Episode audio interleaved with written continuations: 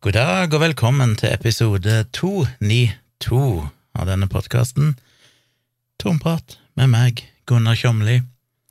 Og før jeg starter, så må jeg minne dere på at hvis dere vil ha denne podkasten uten reklame, og en del timer før alle andre foran, så eh, kan dere stikke innom patrion.com slash tjomli og støtte meg der. Det koster vel, ja, hva koster det? Du kan støtte meg symbolsk med 30 kroner i måneden, hvis du vil støtte det jeg driver med, både i blogg og podkast og livestreams. Eller du kan gå opp til 60 kroner i måneden, tror jeg det. Da eh, får du òg denne podkasten altså uten reklame, og før alle andre. I tillegg så får du en del annen snacks der inne, foredrag og lydbøker, litt av hvert, moro. Um, gjør du ikke det? Nå må jeg bare sjekke så jeg ikke sier noe feil. Det er fort gjort å glemme hvordan ting faktisk eh, fungerer, når det er lenge siden jeg har sett på det. Skal vi se på patronen min, det er litt pinlig å ikke huske sjøl hva greia er. Men 30 kroner i måneden, ja. Det er en symbolsk støtte. 60 kroner i måneden. Da får du altså reklamefrie episoder av Tomprat og bonusepisoder. Jeg vært dårlig til å legge ut det, skal jeg innrømme men jeg har noen liggende som jeg skal prøve å få posta etter hvert. Eh, så løy jeg litt. Du må opp på Tjommi Medium, eller Tjommi M. Da får du òg foredrag og lydbøker. De ligger ute både som videoer, og lydbøkene mine ligger òg som både video og lydbøker, eller podkastepisoder, alt etter hvordan du vil regne det. Så kan du òg gå helt opp på 250 kroner i måneden hvis du har for mye penger, og du syns det er bedre å støtte kritisk tenking og promotering av vitenskap enn det å bruke de på andre unødvendige ting, da får du alt det jeg nevnte, i tillegg til at du får en signert bok av meg. Så uansett hva du vil, om du støtter meg symbolsk med 30 kroner i måneden, eller om du går opp til 60 eller 125 for å få litt ekstra stæsj, så er jeg veldig, veldig takknemlig for det. Eh, du kan òg få denne podkasten reklamefri hvis du, som du sikkert hørte, tipper det ligger en sånn liten automatisk jingle i starten av denne episoden som sier noe om at du kan laste ned appen Untold, og der kan du abonnere og få et tonn av forskjellige podkaster, inklusiv alle som jeg er med på, som er denne Tomprat og Virkelig grusomt, som jeg og Tone lager, og Dialogisk, som jeg og Dag lager. Alt det ligger der inne, pluss et tonn med andre podkaster som du da òg får reklamefritt, mot at du eh, betaler en måneds avgift. Du får vel en måned gratis når du tar appen i bruk, så det kan være verdt et forsøk. Men da får du altså ikke appen og, nei, podkasten noe tidligere enn alle andre. Det gjør du kun på tomprat. Så det var reklamen. Um, I dag er det bare en varm og god dag, egentlig for varm. Jeg tror det var 25 grader her på det meste utpå ettermiddagen. Og eh, etter jeg hadde sittet og jobba og redigert bilder og sånn, så ble jeg med Tone ut på en liten piknik. Fordi hun ville ut litt, og jeg syntes det hørtes ut som en god idé når jeg begynte å tenke meg litt om, selv om jeg ofte har en tendens til bare bure meg nede i denne lille hulen min her nede på kontoret i kjelleren. Så ble jeg med henne. Så vi stakk innom eh, Fabrikken, som er en sånn lokal liten kafé, veldig trivelig plass, som jeg har nevnt før. Kjøpte med oss noe mat, en bagett rundstykke, og sånt og kjørte ned på Vigeland hovedgård, som jeg har snakket om før, som ligger bare noen ja, fem minutters kjøring her ifra, uh, som ligger ved ei elv, et stort sånn uh, gressplen, veldig idyllisk. Det var litt andre folk der i dag, for det var en fin dag, jeg tror det var en skoleklasse eller et eller annet sånt som hadde noe rebusløp og noe greier, men det er et stort område, så vi fant dere et hjørne der vi satt ganske langt vekke i forhold til alle andre folk, la ut et lite pledd og satt der og nøyd sola. Det var litt deilig. Jeg vet ikke hvor lenge vi var der, det var ikke mer enn en time eller sånt, kanskje. Vi satt der, og hunden eh, Kyla fikk springe litt rundt og kose seg, og det var ganske deilig. Og så var det tilbake igjen og eh, jobba videre. Så en fin, fin dag, og i morgen, eller fredag, eh, i dag teknisk sett, så kjører vi til Tonstad for å besøke mine foreldre og litt familie. De lita stund siden vi var der, ikke så lenge siden jeg så min eh, bror og hans samboer. De var her på en liten eh, innflyttingsfest for et par uker siden. Og mine foreldre så jeg i begynnelsen av mai, da dattera mi ble konfirmert.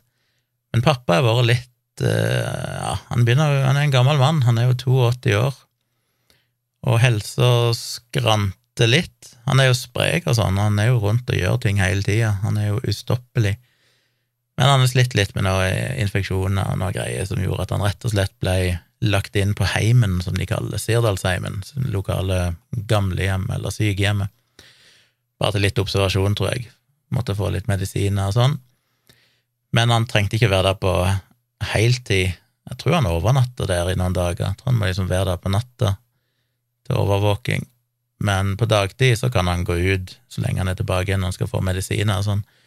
Han måtte jo le litt når jeg hørte at mamma sa at uh, så fort pappa hørte det, så ringte han til mor mi og sa 'du må komme og hente meg'. For da måtte han hjem, og så måtte han klippe plenen i full fart. Så han elsker jo å klippe plenen. Plenen hans, eh, eller hagen hans, er jo hans eh, pryd, med alt det han har planta der opp gjennom årene. Så det er vel noe av det han trives best med, det å sitte på en sånn liten klippetraktor som de kjøpte for mange år siden, som han da kan surre rundt med på plenen og klippe den. Så jeg må jo le litt når han egentlig er er sjuk og må være på sykeheimen, men så fort han fikk litt grann fri, så måtte han hjem og klippe plenen. Og sånn er han jo.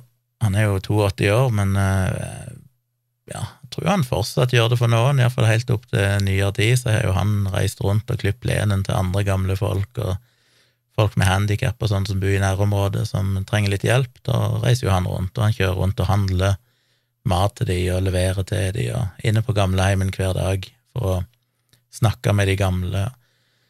Så han er jo en uh, Hva heter det uh, Ja, jeg kommer ikke på ordet jeg leter etter, men han er jo en fyr som uh, bruker tida si til å egentlig bare hjelpe andre hele tida. Det er det han gjør. Men det er klart jeg blir litt, blir litt bekymra når han er 82 år, ikke helt frisk, så får jeg jo litt sånn Jeg mener, han lever vel omtrent på overtid nå, sånn statistisk sett. Eh, nesten. Så det er jo sånn at en tenker at jeg må jo Det er jo viktig å få sett han, og ikke minst at eh, dattera mi får tilbringe tid med de så mye som mulig. For du vet jo aldri. Plutselig en dag så kan han jo bare falle død om. Så en må bruke den tida en har. Så derfor så valgte vi å ta en tur opp der nå i helga, ta med dattera mi og henge litt med dem. Besøke bror, bror min, som òg skal til Kenya en lengre tur. Altså, han og samboeren har jo vært, ungene har jo vært i Kenya og Tanzania flere ganger.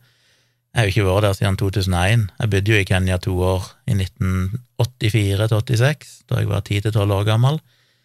Men bortsett fra det så har jeg bare vært på en sånn to ukers ferietur i Kenya i 2001, og ikke vært der siden, mens de andre i familien min har jo vært der flere ganger. Så jeg er litt treig. Burde egentlig kommet meg ned igjen på et eller annet tidspunkt. Men nå skal de på en lengre tur, så nå drar han og samboeren med seg ungene ned og skal være der i Er det to eller tre måneder, et eller annet sånt? Reise i midten av juli. Jeg tror det er to måneder. Jeg tror ungene går glipp av litt av skolestart, men ikke så veldig mye, så jeg tror det er to måneder eller sånn de skal være der. Som er ganske modig. Eh, eller, det er jo ikke modig sånn sett, men friskt er det vel. Det, det føler, for meg hadde det vært følt som at det går ikke an å gjøre. Kan ikke bare gjøre det. I tillegg til at jeg tror jeg hadde kjeda meg. Jeg var der sist, i bare to uker, så var jeg litt sånn ja, nå er jeg klar for å gå hjem igjen, når det hadde gått ti dager. Så jeg er ikke sånn som trenger å være vekke så lenge. Jeg liker å reise, men jeg liker jo liksom Jeg har liksom mine prosjekter her hjemme. Når jeg er vekke for lenge, så savner jeg liksom eh, god internett og det å kunne jobbe med tingene mine og sånn, så jeg tror ikke jeg hadde gidde å reise vekk i, i, så lang tid. Men eh, det skal de, og i den anledning vil jo han òg ta litt bilder og sånn, så da har han jo en del spørsmål om kamerautstyr, og han skal vel kjøpe noe nytt kamera og greier, og da Jeg hadde en lang telefonsamtale med han her for et par dager siden, men fant ut at det kanskje var best at jeg eh, hjalp han litt uh, i praksis, holdt jeg på å si, med å få bestilt de rette tingene, for jeg får jo alltid panikk for at han skal gjøre noe feil. og hater jo det når familier sånn begynner å bestille ting uten å ha snakka med meg, for det er sånn nei, du må ikke gjøre det. Dere må ikke bare bestille elektronikk og datating uten å snakke med meg først. Så det blir vel brukt litt tid på det, og så er jo mamma de fått seg elbil, og hun tror jeg ikke helt har fått til alt og kobla den til mobilen og styre ting med mobilapp og, og ladegreier og sånn, så det blir vel som vanlig at når jeg kom der sist jeg var der, så måtte jeg jo montere TV på veggen til de som de hadde kjøpt, og fikse det, og alltid ting jeg må Jeg er liksom den, den i familien som må fikse alle de der tekniske tingene hver gang jeg er der. Men det trives jeg jo for så vidt med, så det blir jo koselig. I dag har jeg jo brukt altfor mye tid på å dille med forsikringer. Jeg eh, har jo en del forsikringer, og jeg er alltid usikker på hvor mye forsikringer en bør ha. Jeg har jo Det er jo blitt en del dyrere. Når jeg bodde i Oslo, så var det billig, for da trengte jeg bare egentlig en innboforsikring og en jeg sa det er vel en livsforsikring gjennom jobben, og reiseforsikring gjennom jobben, så det var egentlig bare en innboforsikring omtrent jeg hadde, og det er ganske billig. Men så har vi jo fått dere hus, og så har vi fått dere bil, og så har vi fått dere hund, og så plutselig skal du ha forsikring på alt mulig rart. Og så gikk det opp for meg at shit, så mye penger vi bruker på forsikring. Det kan jo Det, det har jeg ikke råd til, rett og slett, så jeg er nødt til å kutte på noe. Og det er vanskelig å kutte i forsikringer, for du sitter jo bare og tenker katastrofe, da. Sånn er typisk at jeg reduserer denne forsikringen, og så skjer sånn og sånn dagen etterpå. Men en må bare Når jeg ikke har råd, så har jeg ikke råd, så så jeg hadde en, en, samtale med If, som jeg bruker som forsikringsselskap. Gikk gjennom litt forsikringer, reduserte et par av de, eh, kutta prisen litt, men ikke sånn dramatisk mye. Prøvde å smiske litt når det gjaldt bilforsikring, fordi jeg sliter jo med det at jeg har ganske låg bonus, fordi hvis du ikke har hatt bil på mer enn tre år, så starter du for scratch, gjerne, litt avhengig av forsikringsselskapet, men If de starter vel på 40% bonus. Så det fikk jeg jo justert opp til 60% etter jeg tok en telefon til If i fjor høst, kort tid etter jeg hadde kjøpt bilen. Men jeg håpte jo å få den enda høyere, så jeg prøvde å smiske litt og greie, men eh, i utgangspunktet så hadde hun ikke noe å gi der. Men da jeg logget inn i dag for å se på oppdateringene hun hadde gjort, så hadde plutselig bonusen min gått opp til 70% så det er jo tydeligvis bare gitt meg noe der uten at hun sa hun skulle gjøre det. Men så tenkte jeg jeg må jo sjekke med andre forsikringsselskaper og se hva, hva priser egentlig er. Så jeg begynte å google litt, og så kom jeg fort over ei side som heter bytt.no, og der kan du da sammenligne masse forskjellige tjenester. Så jeg eh, gikk inn på forsikring og oppga alle de forsikringene jeg hadde i dag, fylte inn informasjon om boligen og bilen og alt det der. og så blir det sendt til forskjellige forsikringsselskaper som da skal ta kontakt. Jeg prøvde en gang tidligere og da var det vel med ja, et eller annet jeg skulle sammenligne, da var det jo basically ingen som svarte meg. Eh, men denne gangen så ringte jo Det var tre forsikringsselskaper det ble sendt til, som liksom hadde de forsikringene som jeg trengte.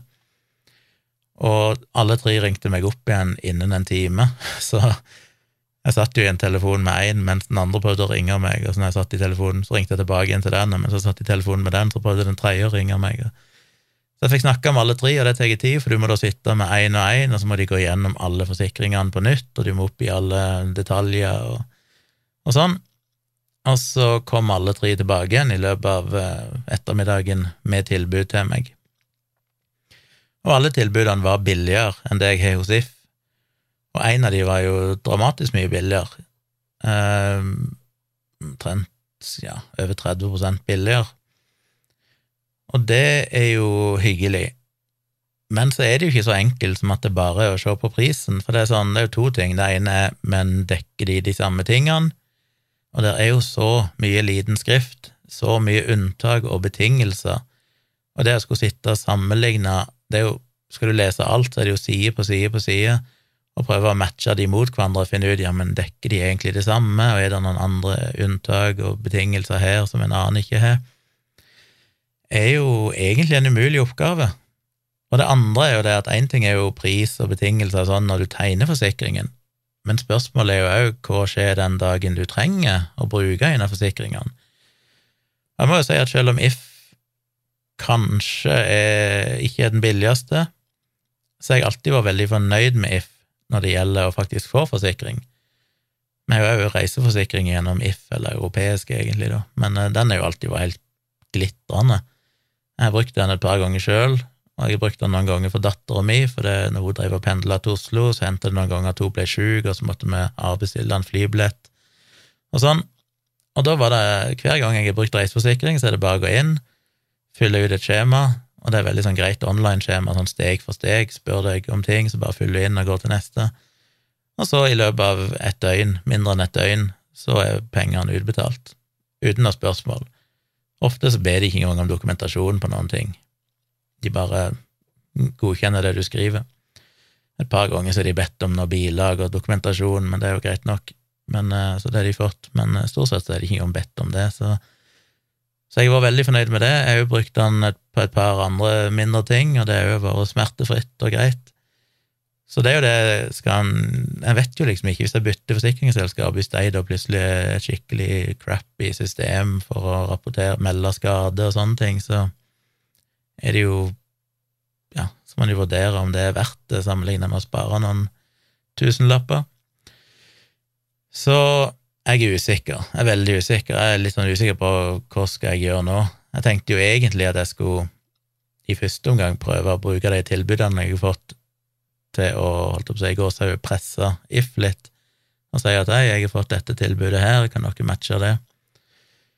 Men det så, da er de sikkert flinke, vet du, og sier at ja, men den forsikringen der, den inneholder ikke sånn og sånn, og det har vi, og derfor er ikke det sammenlignbart, og da blir jeg sånn svar skyldig, for det er sånn, åh, jeg har jo ikke den komplette oversikten over alle detaljene. Så det er ikke så godt for meg å si om det de sier er korrekt, eller om det egentlig ikke er så viktig, eller så det syns jeg er vanskelig. Men jeg kom over ett forsikringsselskap, en av de jeg fikk tilbud av, heter Ibis Forsikring.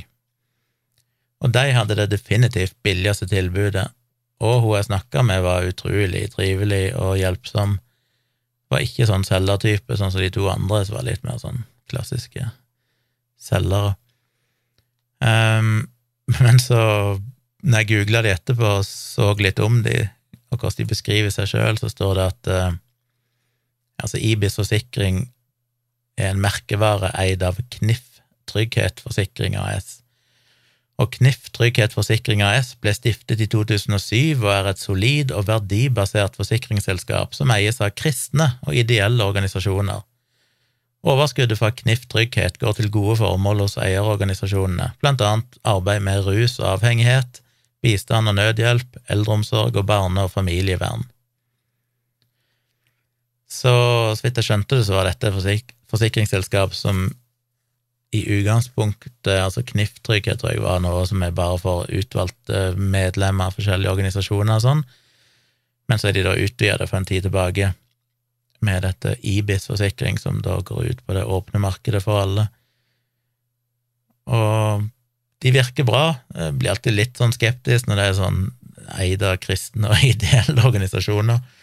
Det er flott at de eier ideelle organisasjoner, blir alltid litt skeptisk til hva jeg egentlig støtter når det er kristne organisasjoner. Er det noen sånn anti-abort, homohatende, kristenkonservative greier som det står bak, og bør jeg i det hele tatt bry meg om det, Er det noe å si? Så jeg vet ikke. Og så var det vel en artikkel jeg kom over òg, som var et eller annet med at Ibis forsikring, det virker som at det var drevet av liksom tre personer, eller et eller annet sånn, en familie omtrent, som hadde tatt på seg dette, så men de har jo den beste ratinga inne hos bytt.no. De har utrolig bra score for alle som er rangert i, både med kundeservice og sånn, og priser, og i tillegg da hvordan de har opplevd det å få utbetalt eh, forsikring når de har trengt det. Altså både før og etter skade, så er folk fornøyd. Så jeg er usikker. Den eh, vil jeg nok den vil jeg jo spare ganske mye penger på å gå over til Ibis forsikring, men så fremstår det jo som et litt sånn lite obskurt selskap, og det kan jo være en god ting, da. Men jeg aner jo ikke hvordan det faktisk vil fungere den dagen jeg trenger forsikring, selv om de har gode ratings på det. Og så er det jo det med, og det jeg òg likte med deg, det var, at de, det var jo i tillegg til at hun var veldig hyggelig, hun jeg snakket med, selv om hun var Litt slitsom, hun var, nordlending et eller annet sted oppe i nord, og avslutta hver eneste setning med 'det gjør jeg', eller 'det skal jeg'. Ja, så da ringer jeg deg, det skal jeg. Altså, da sier vi det, det gjør vi. hver eneste fuckings setning måtte hun liksom slenge på en sånn greie. Det var jo bare koselig. Litt slitsomt. Eh, så hun var veldig hyggelig, men så fikk jeg jo et skikkelig tilbud av de, der alt var spesifisert og brutt ned, og med betingelser. Storebrand var jo en av de som eh, jeg fikk tilbud av, men han ville ikke sende meg prisene av konkurransehensyn, så jeg fikk bare en oversikt over forsikringene og litt betingelser, men ikke noe komplette greier, og kun en cirka totalpris. Ikke bare sånn runda av til nærmeste, nærmeste store beløp. Så det syns jeg jo er litt sånn, ja, jeg skjønner jo kanskje det at de er redde for å gi ut prisene sine, hvis jeg har fått et veldig godt tilbud, for alle var jo opptatt av å, å bli billigere enn Ifter, så de har sikkert gitt meg en lavere pris enn det, egentlig, enn det som er vanlig. Og det vil jeg liksom ikke ha ut, men samtidig så er det litt sånn at ja, men jeg skal jo sammenligne forskjellige firmaer her. Hvis ikke dere vil gå ut med prisene til meg skriftlig, så blir det jo egentlig til at jeg bare ekskluderer dere, for da gidder jo ikke jeg å det er ikke noe sammenligningsgrunnlag, så du, du diskvalifiserer deg egentlig for å være med i, i denne kampen. Og så var det et tredje selskap òg som var litt sånn kronglete, for de ga meg forskjellige varianter av tilbud, jeg kunne velge forskjellige løsninger, der den ene var dramatisk mye billigere. Og eneste ulempen var at jeg da ville få faktura for to firmaer istedenfor ett. Men jeg klarer ikke helt å få oversikten over hva er forskjellen ellers, det må jo være andre ting. Så det er jo rodete. Så alt dette er vel bare for å si at uh, Ta gjerne imot gode tips fra folk der ute. Er det noen som har Ibis-forsikring? Har noen erfaring med deg, på godt og vondt, så send gjerne en mail til tompratpodkast at gmail.com. Podkast med C, som alltid. Eh, eller bare har tips ellers hvordan jeg bør forholde meg til hele dette forsikringsstyret, om det er noen gode triks å, å gjøre. Jeg er ikke så interessert i at dere kommer med 'du, jeg bruker det og det forsikringsselskapet', og det er jeg veldig fornøyd med, for det er sånn, ja, men uh, det er vanskelig å sammenligne, for det kommer helt an på forsikringer og priser. Men har dere noe erfaring med spesifikt, eller for all del, gi meg gjerne tips hvis dere har noe, så kan det jo være verdt å sjekke ut, men, men ja, alt av tips mottas med glede, fordi dette voksenlivet er ikke så enkelt, det må jeg si. Det var nok om forsikringer. Over til sjamanen, Durek. Det er jo to ting med han. Det ene er dette rasismestyret som har vært i det siste, og jeg eh, skal, Jeg er jo ikke akkurat uh, kaster vel ikke noen brannfakler hvis jeg sier at uh, han er et rasshøl i mine øyne. Og det sier jeg ikke fordi han er litt alternativ og spirituell, men det er jo fordi han direkte har gått ut og jeg mener, like etter at Ari Behn døde, eksen til dama hans, så går han ut på en Instagram-post og mer eller mindre sier at psykisk sykdom er noe du velger sjøl. Det er ganske drøyt, når da han nettopp har tatt livet sitt eh, grunnet depresjon. Um, og så har han jo masse påstander om kreft og alt mulig slags piss. Jeg mener, det er jo det verste du får av sånn alternativ svada. Det er etter mitt syn ja, Eh, jeg har lyst til å kalle det ondskapsfullt, fordi jeg føler at som et voksent menneske så bør du være, vite bedre, og du kan gjerne mene alt mulig rart, men hvis du gjør en business ut av det, i strid med, med alt av rådende forskning og vitenskap, så har du litt for stort ego. Hvis du virkelig tror at 'nei, men jeg vet dette', som hele resten av verden tar feil om, og du kommer da med ting som er direkte Eller hvis du tar feil, så er det veldig, veldig farlig. Så bør du kanskje holde kjeft. Og i tillegg da det han skrev om psykisk sykdom og sånn, eh, samtidig som han er sammen med og Nei, det er iallfall et rasshøl, vil jeg si. Du er en, en, en, drittsekk. Men så er det jo denne spørsmålet, da, er folk kritiske til han fordi de er rasistiske? Fordi han er en svart mann? Eller er det fordi han, han er en idiot? Og jeg må jo si jeg heller i retning av at jeg tror folk flest misliker han, og misliker han som en del av kongefamilien fordi han er en idiot, ikke fordi han er svart. Jeg tviler ikke på at han har møtt rasisme, jeg tviler ikke på at de har opplevd at folk har vært rasistiske. Det er ikke noen tvil om at det finnes definitivt hardbarka rasister i dette landet. Eh, men jeg føler allikevel at det må vel utgjøre en ganske liten del av de som kritiserer han. Det vil nesten, jeg vil nesten trekke det så langt som å si at hvis du ikke synes at sjaman Durek er et rasshøl, så er du rasist. en slags omvendt rasist. Eh, det, men det blir jo en vanskelig debatt, fordi når du er så, så bedriten som det Durek faktisk er, og da blir møtt med rasisme i tillegg, så er det selvfølgelig lett å prøve å spore av debatten ved å fokusere på rasismen. Og det er jo en viktig debatt, det òg. Jeg mener, det er jo helt for jævlig. Uansett hvorfor et rasshøl du måtte være, så er ikke rasisme rette veien å gå. Han fortjener ikke å bli utsatt for noen form for rasistisk hets. Så det er vanskelig å, både skulle ha den debatten om at ja, han er rett i det, det er helt uakseptabelt, og det skjønner jeg er veldig, veldig vondt og sårende, og ingen skal trenge å oppleve det. Og samtidig så er det så mye han fortjener kritikk for. Så det er vanskelig å både anerkjenne det ene poenget og samtidig si men det betyr ikke at ikke du er en idiot. Og når jeg så han gikk ut med sånt forsvar nå i dag eller i går eller et eller annet, der han igjen da fokuserer på hvor forferdelig det er med Norge, og Norge er det mest rasistiske landet han har vært i, og sånn, uten å ta noe sjølkritikk på at det aller meste av kritikken definitivt skyldes at han faktisk er en idiot, så føler jeg jo bare han, han graver seg lenger ned. Det, da mister jeg jo bare enda mer sympati for han, fordi han er så totalt eh, Totalt ute av stand til å være selvkritisk på noen helst måte, og drar den offermentaliteten så utrolig langt, basert på kun det rasismeaspektet. Men igjen, det er vanskelig, fordi det er selvfølgelig problematisk. Så det å skille de to er jo viktig i debatten. Men allikevel så dukka det opp en liten sånn tweet-diskusjon i dag som jeg syns eh, var litt morsom. Fordi, og nå må jeg bare scrolle litt nedover her i uh, i feeden Hvor var vi hen? Der. Det var Per Helge Måseide som er spesialist i barnesykdommer og diverse. Han er Han er jo veldig oppegående fyr.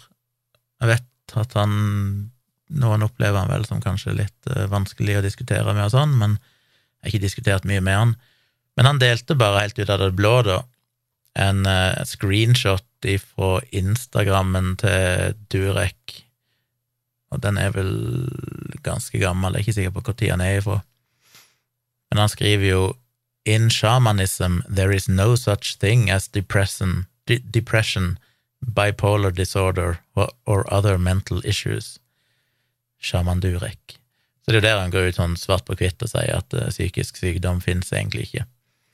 Men så skriver han jo i selve teksten, da, uh, videre Instead, shamanism is understanding certain imbalances within the spirit or how you're receiving energy in the world if we look at the example of anxiety, you don't just get anxiety.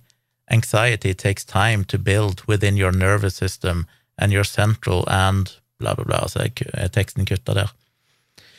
Men da måtte jeg jo inn og, og se litt på For jeg mener, legg merke til han skriver at du får ikke angst. Det er noe du sjøl bygger opp i nervesystemet ditt og et eller annet. Og så måtte jeg da gå inn, og, og, så svarte jeg da, fordi det er nettopp vært en, en, debatt på Twitter de siste dagene igjen da om dette med Recovery Norge og Lightning Process, og der var jo Per Helge med i debatten, selv om han ikke har gått ut og forsvart Lightning Process og sånn. På noen måte, debatten handler om litt andre ting, eh, men han var liksom involvert i den debatten, og litt inspirert av det, da, siden jeg liksom kobla de tingene, så svarte jeg høres ut som han beskriver filosofien bak Lightning Process ganske presist. Og så eh, lager vi en eh, screenshot ifra lightningprocess.com, som er nettsida til Phil Parker, som står bak dette Lightning Process-greiene. Og der skriver han i innledningsteksten, som er det første du møter, The lightning process is a training program that teaches you to change the way your nervous system controls your body, uh, og så videre. Så igjen, dette handler om hvordan nervesystemet ditt egentlig styrer kroppen din, og et av mantraene i lightning Process er jo ikke at ME er ikke noe du eh, har, det er noe Nei, det er ikke noe du Nei, hva er det de sier? Jeg husker ikke, men det går iallfall på det, egentlig at det er en slags tillært, og du kan avtrene deg eh, ME. At det er noe du til en viss grad velger å ha sjøl, basert på måten du tenker på og sånn. Så det var så påfallende likt at begge snakker om at det, det er ikke noe du får, det er noe du til en viss grad velger sjøl, og dette handler om hvordan det bygger seg opp i nervesystemet. Nesten ordrett identiske beskrivelser av en idé om at syke, at sykdom og lidelse er noe du ja, velger sjøl, til en viss grad. Det er noe du påfører deg sjøl gjennom tankene dine. Eh, så ble det jo en debatt videre da, om dette, som var for så vidt grei. Jeg kan jo sikkert lenke til den tråden for de som vil eh, lese det. Og så utvikla jo det seg til en større debatt, da, fordi Per Helge forsvarer jo ikke Lightning Process direkte, han tar ikke noe standpunkt til det, egentlig. Men det ble jo en liten debatt om kan det hjelpe? Er, er det uetisk å tilby Lightning Process? Er det et treningsprogram, eller er det en behandlingsmetode? Og der er det jo litt uenigheter. Så vidt jeg skjønte, så jo, var det jo tidligere definert fra 2017 Nei, jeg husker ikke hvilket år det var, men eh, det var tidligere definert som en alternativ behandling av Helsedirektoratet. Men så endra de vel det for noen år siden til at det var et treningsprogram. Så det blir ikke lenger definert som alternativ behandling av Helsedirektoratet. Mens hvis du går inn på NAFKAM, så sier jo de fortsatt at i måten det brukes på, så regner de det som en alternativ behandling. Så der er det jo på en måte to eh, statlige aktører som begge har forskjellige definisjoner. Og så kommer vi jo litt inn på dette med at uh, er det Altså, kan Lightning Process hjelpe som et treningsopplegg og sånn? Per Helge skrev litt om det, at det ikke er urimelig å tenke at det kan kan ha noe for seg, og hvis folk føler at det hjelper de, så er det kanskje interessant. Og det er jeg jo helt enig i. Det har jeg jo sagt alltid, at jeg tviler ikke på at Lightning Process kan oppleves som at det hjelper noen. Problemet med det er at det gjelder jo òg homopati og alt mulig. Da skrev vel Per Helge at ja, men du kan ikke sammenligne med homopati, for homopati eller alternativ behandling er liksom en ren passiv, passiv behandling, mens Lightning Process handler om at du gjør noe sjøl. Men det er jo der jeg er så uenig, og det er jo det store deler av placebo-defekten eh, boken min handler om. det er jo det at, For der prøver jeg å forklare hvorfor opplever folk at alternativ behandling virker. Og en av grunnene, som jeg har sagt mange ganger før, at homøopati virker ikke, men det kan virke å gå til homopat. Og det er jo igjen fordi at det å gå til homopat, det krever jo at du tar et valg. Jeg vil, jeg vil prøve homopat, eller homopati, på tross av at du sikkert vet at det ikke egentlig skal virke, og det, liksom vitenskapen sier at dette ikke er noe for seg, og eliten eller helsemyndighetene og sånn ikke anerkjenner det, og alt dette her. Det betyr at du tar et slags utradisjonelt valg, og det i seg sjøl gir jo ganske mye sånn empowerment, altså mestringsfølelse, det å føle at du går mot strømmen. Og så må du jo betale penger, og penger er alltid et godt insentiv til placeboeffekt. Det å investere noe, det å ofre noe, det gjør òg at du i større grad eh, trenger å forsvare at du opplevde en effekt, at det var verdt det. Og så går du jo til homopaten, og der gjennomfører jo de et dybdeintervju av deg, der du gjerne forteller om hele livet ditt, skal liksom trekke fram alle traumene, for det er alt som er skjedd, om det skjedde et eller annet i barndommen og sånn, så kan det være årsaken til all slags lidelser du har seinere i livet. Og så sitter de og plotter dette inn i et dataprogram, og i andre ender så kommer det ut en slags diagnose, som da gjerne er en tullediagnose, men det er fortsatt en diagnose, og det gir jo en, et håp. Det å få en diagnose i seg sjøl virker jo, og det vet nok de fleste kanskje, som har slitt med et eller annet som de ikke helt visste hva var. Det å få en diagnose kan være veldig betryggende. Eh, og så får du da et eller annet homopatisk remedie som du skal ta, Kanskje skal ta det tre ganger om dagen i seks uker, eller et eller annet sånt, og da er du plutselig inne på dette med ritualet. Det skriver jeg jo òg om i placebo-defekten, dette med studier som viser at eksempel gamle folk som får ansvar for å vanne ei potteplanter hver dag, de ser ut til å ha større overlevelse enn gamle folk som bare sitter der og ikke har noe ansvar. Så det å føle at du skal gjøre et eller annet, at du har en mål og mening med livet ditt, det kan òg ha positive effekter, sannsynligvis kanskje gjennom stressreduksjon, som igjen kan påvirke immunforsvar og alt mulig rart. Så summen av alle her tingene er jo mye positivt. Og det er jo nettopp derfor vi snakker om enten placeboeffekt, som er en del av det, men òg de mer generelle, uspesifikke behandlingseffektene, som er litt diffuse, men som da ikke kommer av selve behandlingen, for det er de spesifikke behandlingseffektene. Så homøopati har ikke noen spesifikke behandlingseffekter, men de har nok uspesifikke behandlingseffekter, som jo er det folk opplever når de går til alternativ behandling.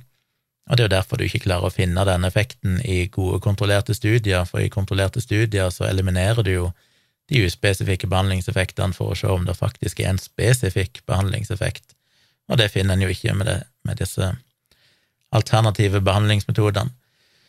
Så da er jo spørsmålet er lightning process spesifikke behandlings... Altså har det en spesifikk effekt? Er det noe som er spesifikt knytta til akkurat de metodene som blir brukt, som gjør noe med deg?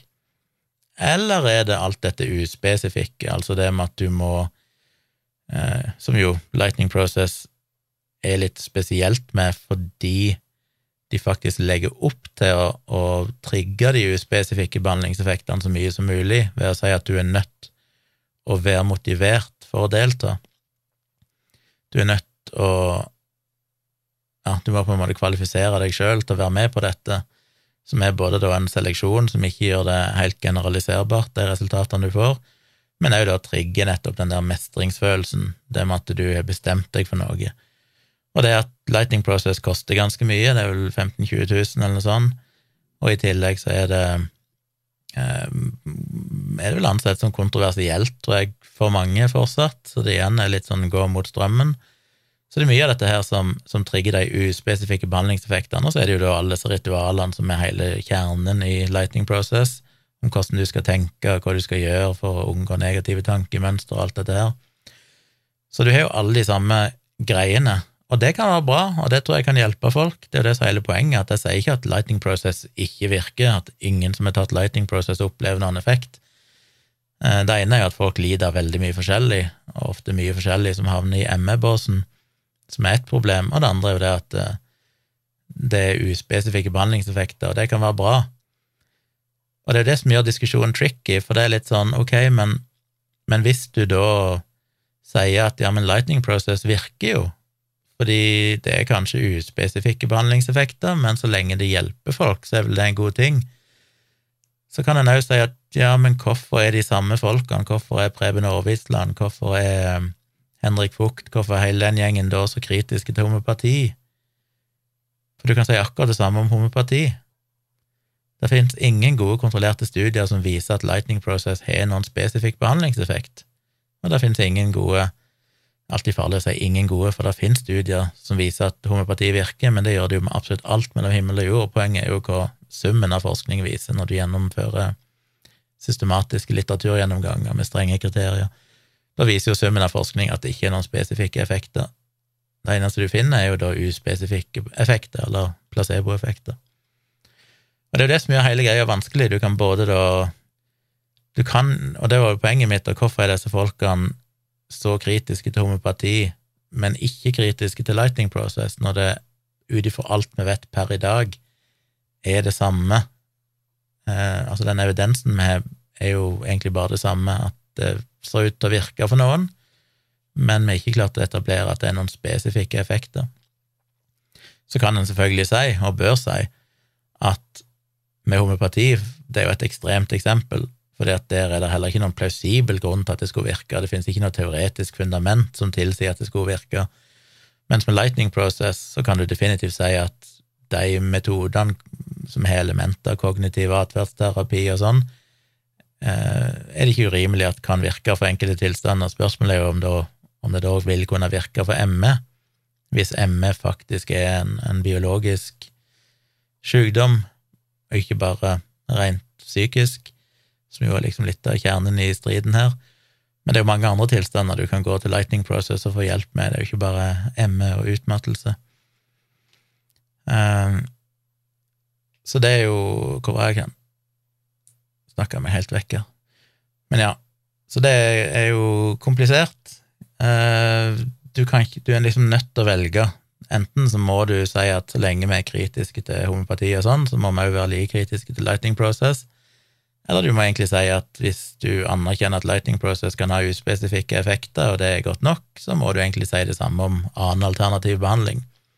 Og siden homopati er ganske ekstremt, siden det, liksom er, det er jo religion, det er jo ikke noe annet enn det, så er det kanskje bedre å bruke ting som kiropraktisk behandling av, eh, av korsryggen eller akupunktur og sånn, for det er ting som har en plausibel forklaringsmekanisme. Det er ikke urimelig å anta at akupunktur skulle kunne hjelpe, for du stikker jo faktisk nål inn i folk, du gjør noe konkret, i motsetning til homopati, som bare er å gi folk innholdsløse sukkerpiller eller, eh, eller tull. Eh, så det er kanskje et bedre eksempel å bruke, nei, å bruke akupunktur, for eksempel, selv om der òg finner en jo heller ikke noen tydelig spesifikk effekt mot noen ting som helst når du ser på forskningen. Så jeg synes det utarter seg en ganske interessant diskusjon som åpner opp for mange mange aspekter ved den diskusjonen, men summa summarum så er jeg bare litt oppgitt over at uh, Ja, at en er så At enkelte er såpass lite kritiske til Lightning Process, og samtidig er så totalt avvisende mot annen alternativ behandling, når du da strengt tatt må anerkjenne at alternativ behandling òg virker i gåseøyne i den forstand at det har uspesifikke behandlingseffekter. Så vi får jo se, når mer forskning kommer, om de finner noe med Lightning Process, og eventuelt hvem det hjelper for. For det er jo ikke bare om det virker eller ikke, det er jo òg hvilken pasientgruppe virker det for. Så jeg lenker til den tråden, selv om Twitter er jo umulig, for det er jo så mange forgreininger at det er vanskelig å hvis du bare leser tråden rett ned, sånn som han viser, så går du glipp av mange avsporinger som er svar på undertweet og sånn, så en må være litt nøye når en klikker seg gjennom hvis en skal få med seg alt. Så fikk jeg òg en uh, mail ifra uh, ei som vil være anonym, som skriver at det i det siste har vært en del fokus på at uh, det er tilsatt carregenan, jeg vet ikke hvordan du uttaler det, men jeg vil anta at det kanskje er carregenan, i sjokolademelk, som elever kan kjøpe på mange skoler.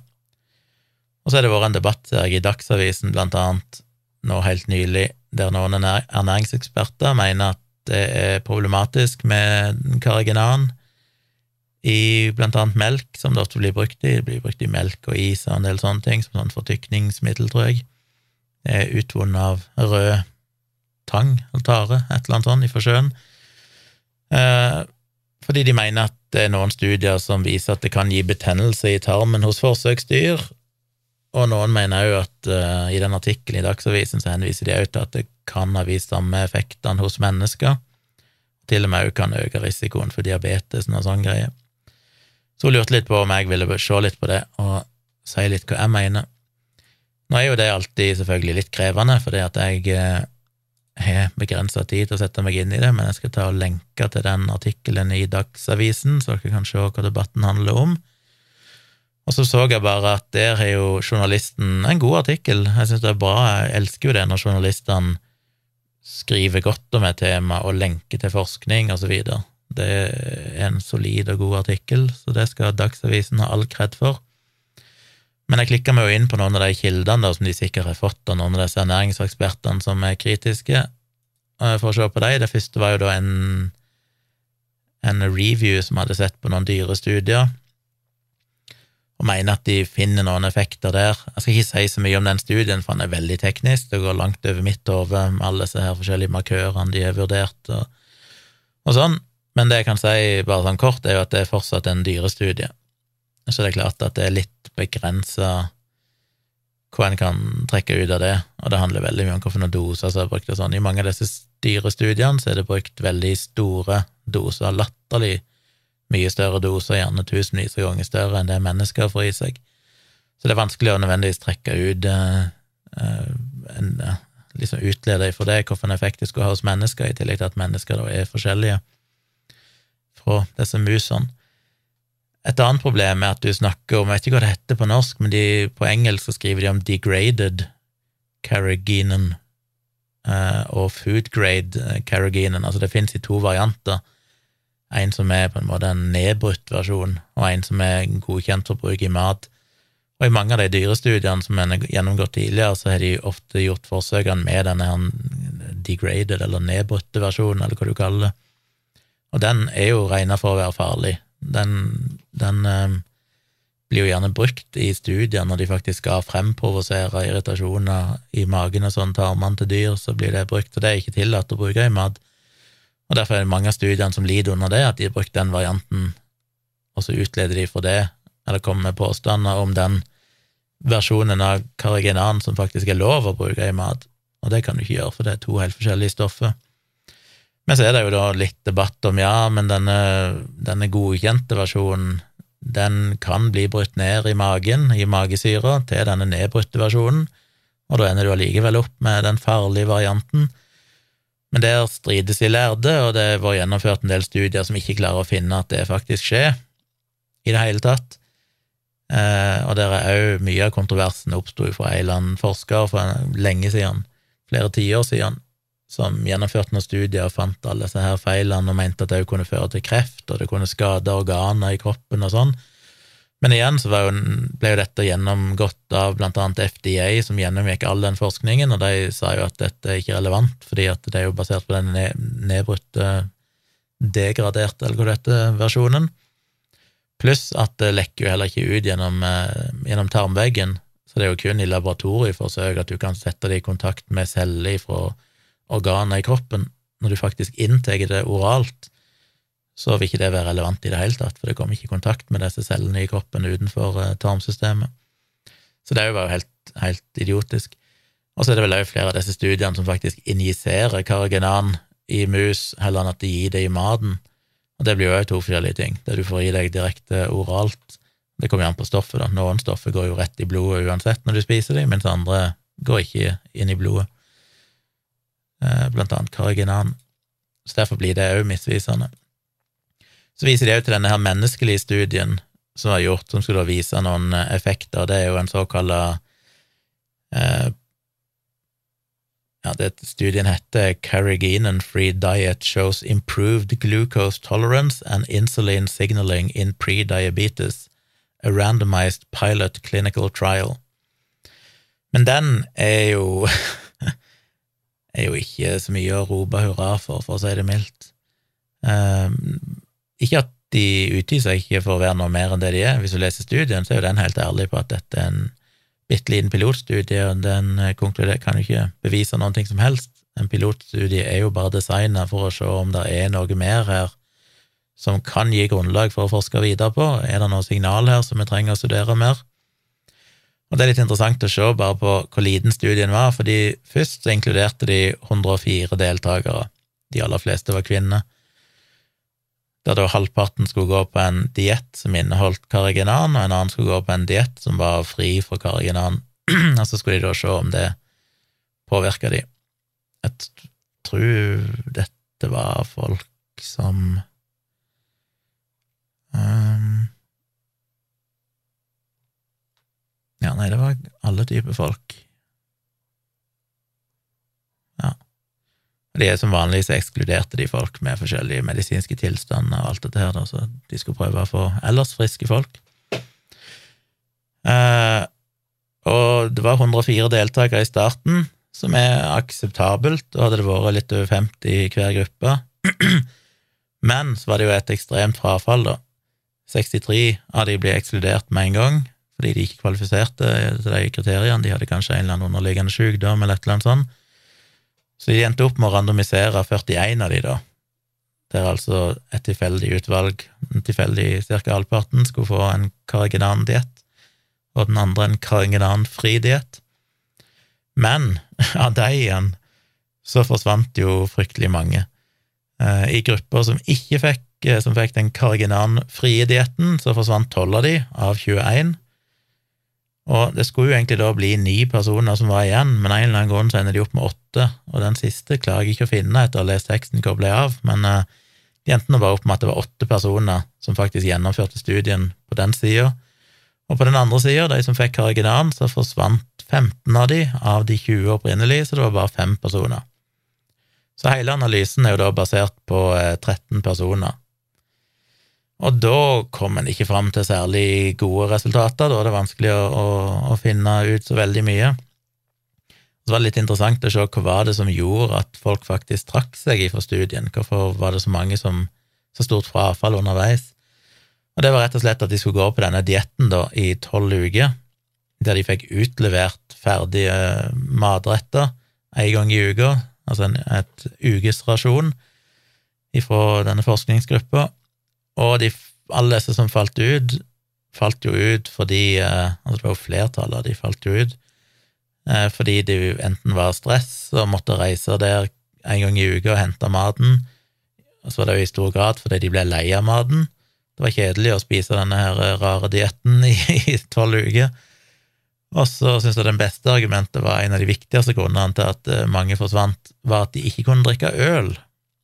Fordi det meste av øl inneholder visstnok karigenan. Så det å gå tolv uker uten å kunne drikke øl, det var ikke overkommelig for de fleste av de. Så da forsvant de fra studien. Så det er jo litt sånn litt morsomt. I tillegg så registrerte de jo en vektnedgang hos alle, selv om man var litt større i grupper som fikk kariginanfri diett. Det hadde de vel ikke sett i tidligere studier på dyr og sånne ting, så de skjønte ikke helt hvorfor de gikk ned i vekt. De hadde fått streng beskjed om å ikke drive og endre på noe treningsopplegg og sånn, de skulle ha samme grad av aktivitet i de tolv ukene som de hadde tidligere, eh, og sånn. Og de Ja. Så de visste, de skriver det at de vet ikke helt hvorfor. En av grunnene kan rett og slett være at de ikke spiste så mye av den maten de fikk, fordi de rett og slett ikke likte den så godt, og at de da rett og slett feilrapporterte, at de da rapporterer subjektivt at ja da, de spiste all maten og sånn, men egentlig så gjorde de kanskje ikke det fordi de syntes den var kjedelig eller ikke smakte godt eller et eller annet sånt. Og det er klart, det er jo òg en stor feilkilde, som det ofte er i sånne studier, at når du ikke sitter og overvåker at de spiser det, men du må basere deg på at du stoler på at de tar maten med seg hjem, og så spiser de det de skal i løpet av denne uka, så er jo det en, alltid en potensiell feilkilde, så det er jo et problem. Så det er mange problemer, i tillegg til at det er veldig, veldig små tall, da, 13 personer totalt som blir analysert, som ikke egentlig gir noe godt eh, statistisk grunnlag for å si noen ting som helst.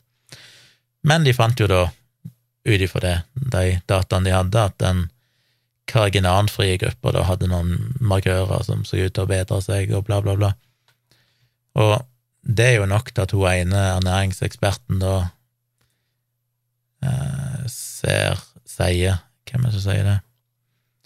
Det er Marit Kolby, matviter og ernæringsbiolog, som jobba lenge for å prøve å få Rema 1000 og Coop og sånn til å prøve å fjerne kariginan fra forskjellige produkter. Og hun sier at uh, i tillegg til karagenanens, eller avisen skriver, i tillegg til karagenans kobling til utvikling av tarmsykdommer, mener hun de negative effektene kan gjelde enda flere. Og så er det sitater. Man ser også risikofaktorer for utvikling av diabetes type 2. Og kilden hennes, som sannsynligvis hun har gitt til journalisten, er jo da denne studien på 13 personer. Og det er alltid litt sånn skuffende, for det er sånn du kan ikke si at man ser også risikofaktorer for utvikling av diabetes type 2, og så viser du til en sånn studie, fordi den kan egentlig ikke si det.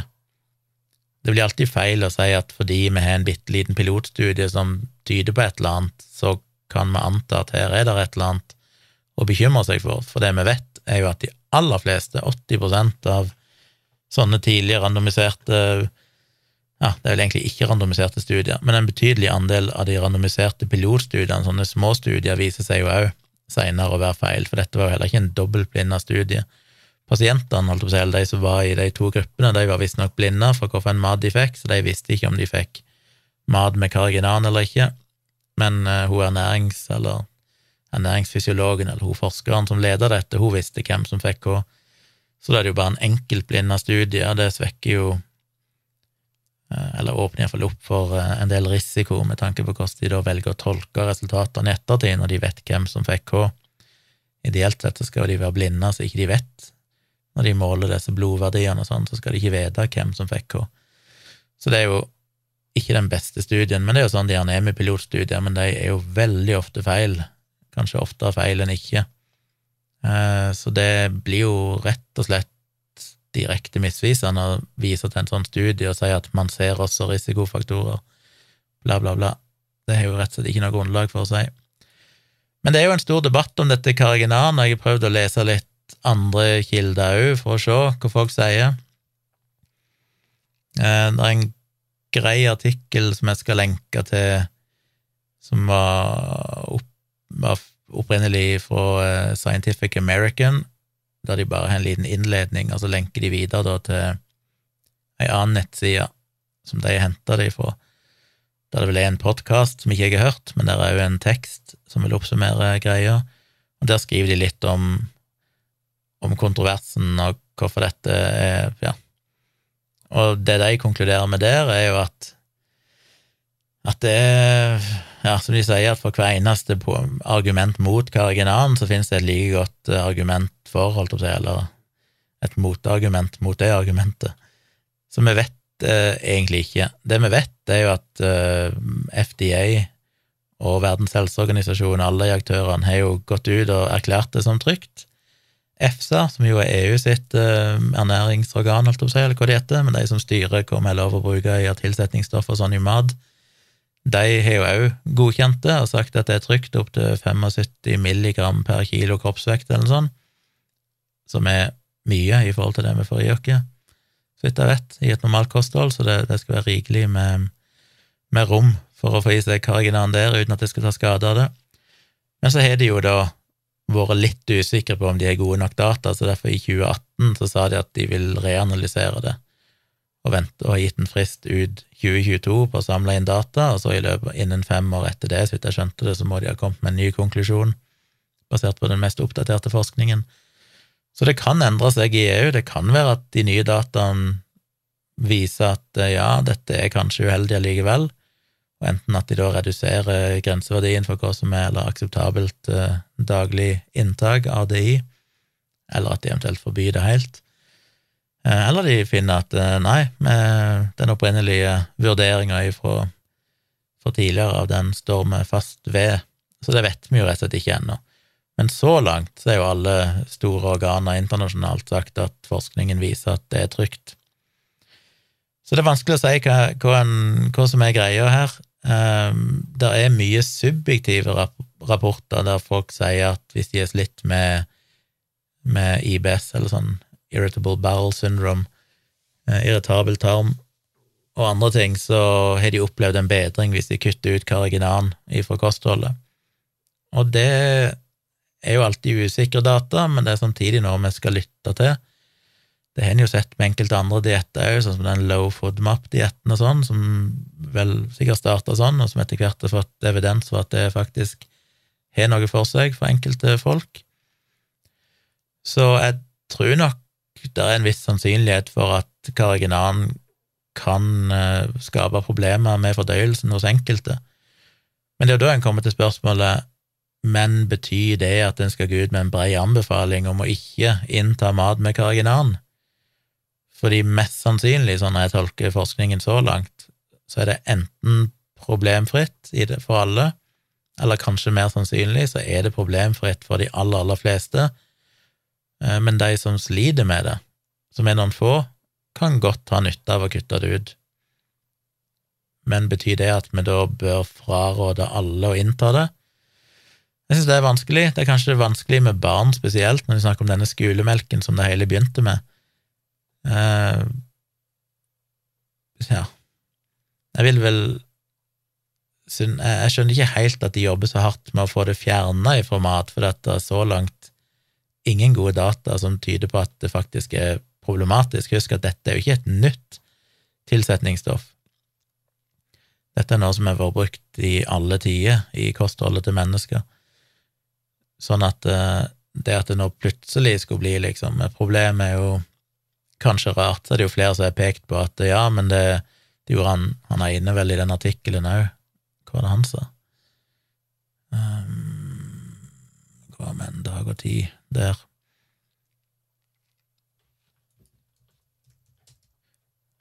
Uh, var ikke det i den artikkelen?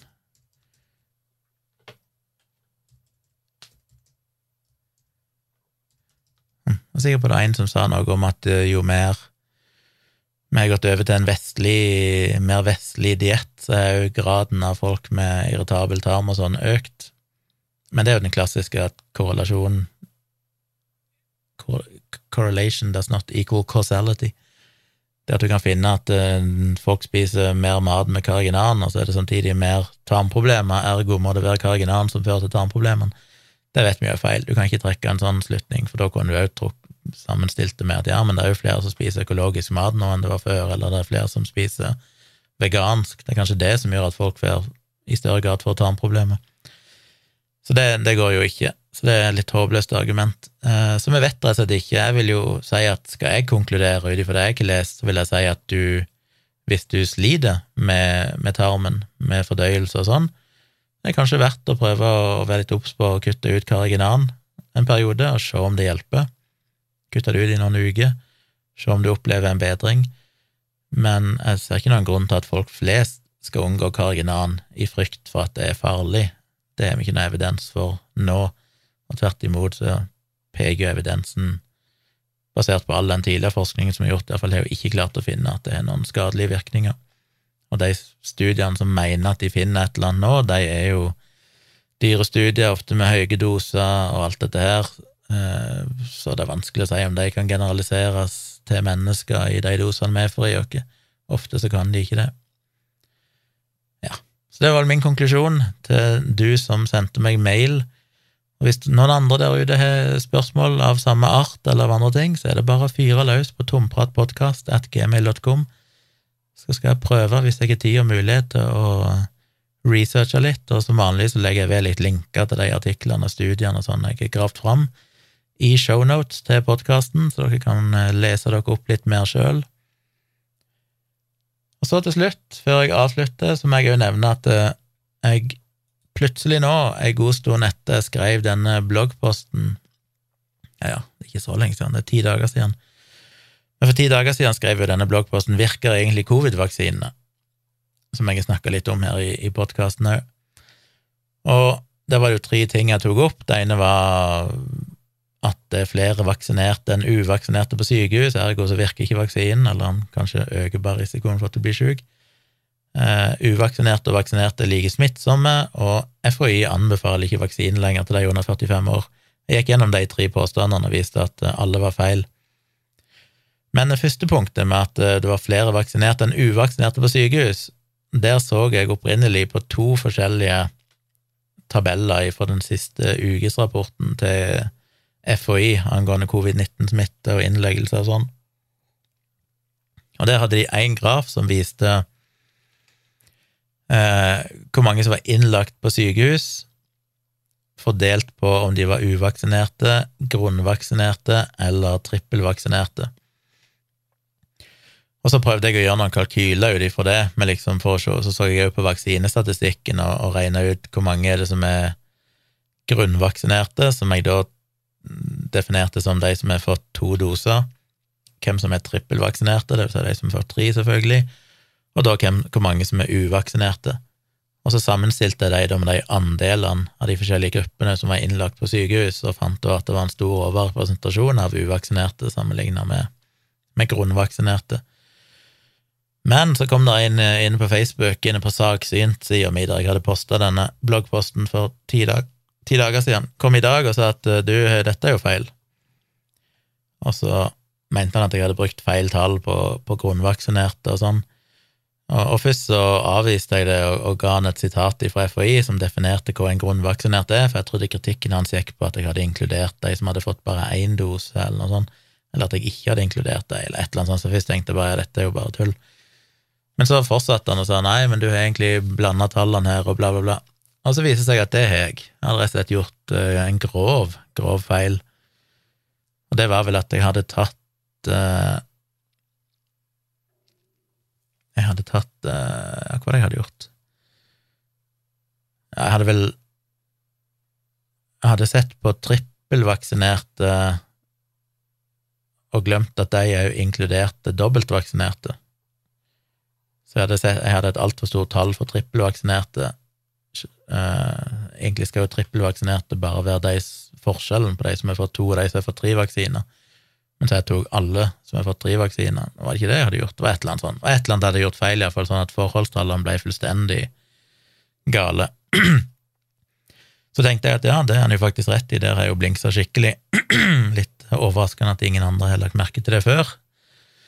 Men jeg eh, tenkte da det må jeg jo korrigere, så jeg begynte å regne på nytt, men da oppdaga jeg jo plutselig at her er det jo flere problemer, fordi eh, grunnvaksinerte er jo ikke bare de som har fått to doser, eller maks to doser, for de som har fått flere enn det, er jo trippelvaksinerte. Men det er jo òg de som har fått én dose og seinere har fått en covid-19-infeksjon. De blir òg regna som grunnvaksinerte, selv om de bare har fått én vaksinedose. Og så er det det at eh, blant de uvaksinerte som totalt sett, hvis du bare ser på rådata på liksom, eller de harde tallene på hvor mange vaksiner som er gitt, så er det 27% som er uvaksinerte i befolkningen. Men det inkluderer jo de ca. 20% sånn cirka, tror jeg, av befolkningen som er under 16 år. Og der er det en del som har fått én vaksine, men nesten ingen som har fått to. Så det er jo basically 0% grunnvaksinerte blant den delen av befolkningen som er under 16 år, som jo utgjør 20% Så da kan en jo kanskje si at de 27 uvaksinerte egentlig bare er kanskje 7% uvaksinerte, realistisk sett. Men samtidig så er det jo den gruppa, de unge da under 16 år, som utgjør færrest innlagte. Og da begynner regnestykket å bli veldig komplisert, fordi det er en tabell i den samme rapporten som viser antall innlagte både for hele pandemien, men også siste fire uker, brutt ned på forskjellige aldersgrupper. Men den tabellen er ikke brutt ned på vaksinestatus, om de er vaksinert eller ikke. Uh, og så er det et problem da med at vaksinestatistikken den teller bare antall doser, altså har du fått én dose, to doser, tre doser, mens innleggelsesstatistikken den bruker jo begrepet grunnvaksinert, som da både er de som har fått to doser, men også de som har fått én dose og senere er blitt syke. Så derfor gikk det opp for meg at det går ikke an å egentlig jeg kan ikke, Det går ikke an å finne noen sammenligning her, for jeg har ikke de rette dataene. Uh, og det var egentlig irrelevant, fordi at det som egentlig var debatten, var jo incidensen, altså relativt til gruppestørrelsen, eller per 100 000, og det hadde jo FHI en egen statistikk på som jeg allerede hadde skrevet om, og den viser jo at uvaksinerte kommer mye dårligere ut enn vaksinerte. Så sånn sett så trengte jeg jo ikke ha med alt det jeg gjorde først, men jeg hadde bare lyst til å ha med det òg, for jeg syntes det var litt interessant, den innleggelsesstatistikken. Eh, for det var en enkel måte å forklare det med relative størrelser på, dette med base rate fallacy, at, at ja. så jeg endte opp med å oppdatere bloggposten min, fjerne to-tre avsnitt med de utregningene som både var feil opprinnelig, og i tillegg heller ikke kunne rettes opp i, fordi jeg mangla informasjon til det, og bare skrev hvorfor jeg fjerna det og, og, sånn. Men så er jo ikke det egentlig relevant for konklusjonen uansett, for den, den finnes jo i den uh, innlagte per 100 000. Den viser jo allikevel poenget da, om at det er de uvaksinerte som kommer dårligst ut. Så ja, Eh, jeg ville bare nevne det, at det var en, en grå feil, men den er korrigert. Så får vi håpe at uh, det er alltid, alltid det som er skummelt når jeg sitter og, og driver på med sånne ting, for det, jeg er alltid så nervøs når jeg poster en sånn blogg på, så tenker jeg sånn shit, tenk om jeg regner feil her nå. Og så tenker jeg og tenker på sånn, nei, det må jo stemme, dette, og så til slutt så publiserer jeg den. Så hender det da en gang iblant at jeg faktisk gjør en grå feil, men da er det jo bare å å korrigere og gå videre i livet. Men som eh, så pleier jeg alltid å ha et prinsipp da, at jeg skriver hvis jeg endrer noe. Ikke hvis det er bare en sånn småpirk, men hvis det er en vesentlig endring, så skriver jeg det i bloggposten, sånn at jeg ikke bare liksom prøver å late som at jeg har aldri skrevet noe galt. Men jeg gjør det ganske tydelig at her skrev jeg faktisk noe som var helt feil, og det har jeg fjerna, og forklarte hvorfor. Så da skal det være korrekt for historien. Det var en episode. Eh, jeg er tilbake igjen på tirsdag med en livestream. Det er mulig han blir litt forkorta, fordi jeg må sannsynligvis jobbe litt nattarbeid. Vi skal gjøre noen serveroppgraderinger. Så da må jeg egentlig hjelpe min kollega ifra klokka elleve.